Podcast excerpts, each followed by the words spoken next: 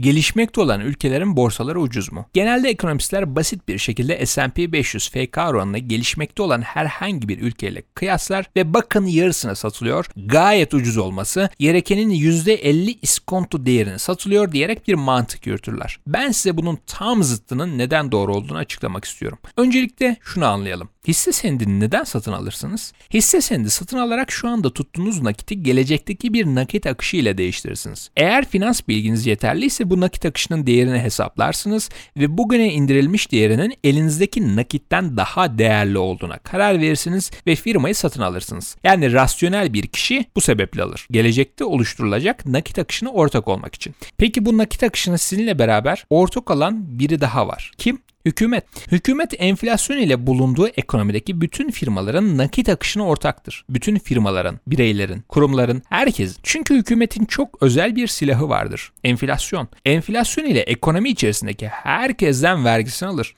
Bu durum neden önemli peki? Şundan dolayı önemli. Aynı iki tane firma düşünelim. Bir tanesi Amerika'da olsun, diğeri gelişmekte olan herhangi bir ülkede. Firma birebir aynı. Fakat tamamen farklı ülkelerdeler, farklı enflasyona sahipler, farklı para politikası ve politik koşullarda hizmet veriyorlar. Önce Amerika örneğine bakalım. Firmanın %20 ROIC yani yatırılmış sermayesi üzerinden para kazandığını düşünelim. Bu sermayeyi kazanırken finansman maliyeti %4 civarında olsun. Bu durumda %16 civarında yatırımcısına para aktaracak demektir. Peki bitti mi? Hayır. Gizli bir ortak daha var, hükümet. Hükümette her sene %2 civarında enflasyon oluşturuyor. Yani nominal bazda %16 geri dönüş almanıza rağmen rağmen reel bazda %14 geri dönüş alıyorsunuz. %2'lik kısım gizli vergi olarak sizden alınıyor. Diyelim ki bu firma serbest nakit akışının 20 katına satılıyor. Yüksek bir çarpan değil mi? Peki şimdi gelelim sözde ucuz ülkeye. Aynı firmaya bir bakalım. Firma yine %20 ROIC üretiyor. Yani yatırılmış sermaye üzerinden geri dönüşü aynı fakat finansman maliyeti aynı mı? Hiç zannetmiyorum. Çünkü %20 enflasyon varsa en az bu kadar finansman maliyetiniz var demektir. Yani %20 ROIC ile yatırım yapsanız bile elde var sıfır. Peki burada bitiyor mu? Hayır bu sadece öz kaynak ve borcun maliyetiydi.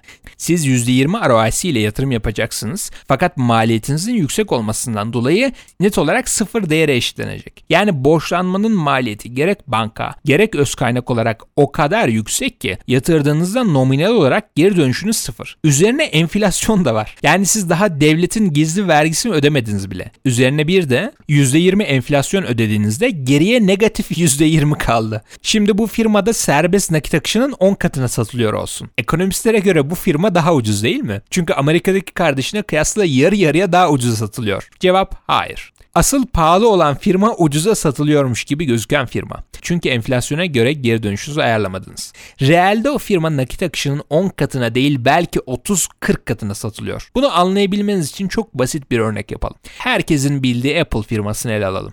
Apple yatırdığı sermaye üzerinden ortalama %40 civarında geri dönüş sağlıyor. Ve borçlama maliyeti sadece %2 civarında. Üzerine her sene %2'de enflasyon vergisi veriyor. Bu durumda Apple eğer %100 olarak nakit akışını büyütmek için harcasaydı vergi öncesi %36 net değer üretmiş olurdu. Böyle bir firma haliyle çok değerli olur. Çünkü düşük enflasyon var, yüksek ROIC var ve kendini büyütebileceği alanları var. Şimdi aynı Apple firmasını alıp diğer ülkeye koyalım. Firma yine aynı firma. %40 civarında yatırdığı sermaye üzerinden geri dönüş sağlıyor. Tamam ama bu sefer yüksek enflasyon eşittir yüksek borçlanma faizi. Yüksek borçlanma faizi sebebiyle ister öz kaynak ister banka kredisiyle kendini finanse etsin bu karlılığını azaltacak. Diyelim ki bu ülkenin politikacısı yüksek faize de inanmıyor ve faizleri reel olarak negatifte tutuyor. Yani enflasyon %20 iken %15 faiz veriliyor. O zaman Apple ne kadar geri dönüş sağlar bir bakalım. ROIC %40.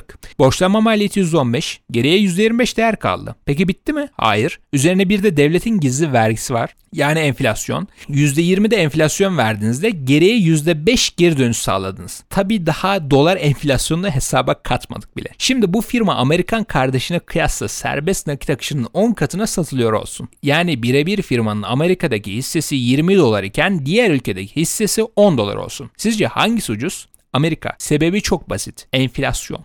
Normal şartlarda 10 dolara satılan hisse ucuz gibi gözükürken aslında reel bazda enflasyona göre ayarlandığında o firma 70 dolara satılıyor. Yani bir tanesinde reel bazda %36 geri dönüş için 20 kat, diğerinde reel bazda %5 geri dönüş almak için 10 kat veriyor gibi gözüküyorsunuz ya. Eğer bu firmaların geri dönüşünü eşitlersek aslında firma 70 katına satılıyor. Çünkü ülkedeki enflasyon o kadar fazla ki hem borçlanma maliyeti hem de gizli vergi oranı firmanın karlılığını yok ediyor. Bu durumda siz de gelip düşük enflasyona sahip olan ve serbest piyasaya önem veren ülkeye yatırım yaparsınız değil mi? Çünkü sebebi çok basit. Yatırdığınız paranın karşılığında çok daha yüksek geri dönüş alıyorsunuz. İşte tam da bu yüzden Ekonomistler, finans uzmanları, gelişmekte olan ülkelerin ucuz olduğunu basit bir FK oranı ile savunurken yanılıyorlar. Banka hisselerinin veya birçok firmanın defter değerine göre iskontolu satılmasının ucuz olduğunu düşünüyorlar. Tabii ki bu firmalar iskontolu ile satılacak. Çünkü bunu hak ediyorlar. Çünkü firmalar reel bazda kendini büyütemiyor ki. Her birinin reel bazda öz kaynağı daralıyor. Karlılığı da daralıyor. En yüksek pastayı her sene hükümet enflasyon olarak alıyor. O zaman akıllı yatırımcılar sizce gelip bu ülkeye yatırım yapar mı? Tabii ki de yapmaz. Bu firmalar ancak ve ancak enflasyon gerçekten düşürüldüğünde değerlenir. Çünkü o zaman bu firmalar enflasyon üzerinde gerçek bir değer oluşturuyor olurlar. Her şeyi özetlemek gerekirse, defalarca gelişmiş ülkeleri gelişmekte olan ülkelerle kıyaslayan sunum ve konferansları izledim. Her birinde Cape Ratio, FK gibi basit metrikleri göstererek gelişmiş ülkelerin yıllardır yükseldiğini, bunun tersine döneceğini veya gelişmekte olan ülkelerin düşük FK ile satılmasından dolayı ucuz olduğunu söylediler. Maalesef bunların hepsi yanlış. Önemli olan rezerv para bazında aldığımız geri dönüştür. Hatta bu da yetmez. Üzerine doların da enflasyonunu hesaba katmamız gerek. Şöyle düşünebiliriz. Yarın Amerika'da enflasyon %10'a çıksın. O zaman artan enflasyon ile artan faiz oranları bütün finansal piyasaları yerle bir eder ve o hisselerin değeri en az yarı yarıya düşer. Sebebi çok basit. Finansman maliyeti ve enflasyon bütün denklemi değiştirdi çünkü. Tam da bundan dolayı gelişmekte olan ülkeler ucuz değiller. Çünkü ucuz gösterilen birçok ülkede inanılmaz derecede enflasyon var. Politikacıları para politikasından anlamıyor. Zemin her geçen gün bozulmaya devam ediyor. Diğer tarafta ise düşük enflasyon, düşük faiz oranları, düşük güce sahip politikacılar var. Sizce hangi firma daha değerli? Benim portföyüme, yıllık ve çeyreklik firma raporlarına, soru cevap videolarına erişmek için Patreon'dan takip etmeyi unutmayın. Kendinize iyi bakın. Görüşürüz.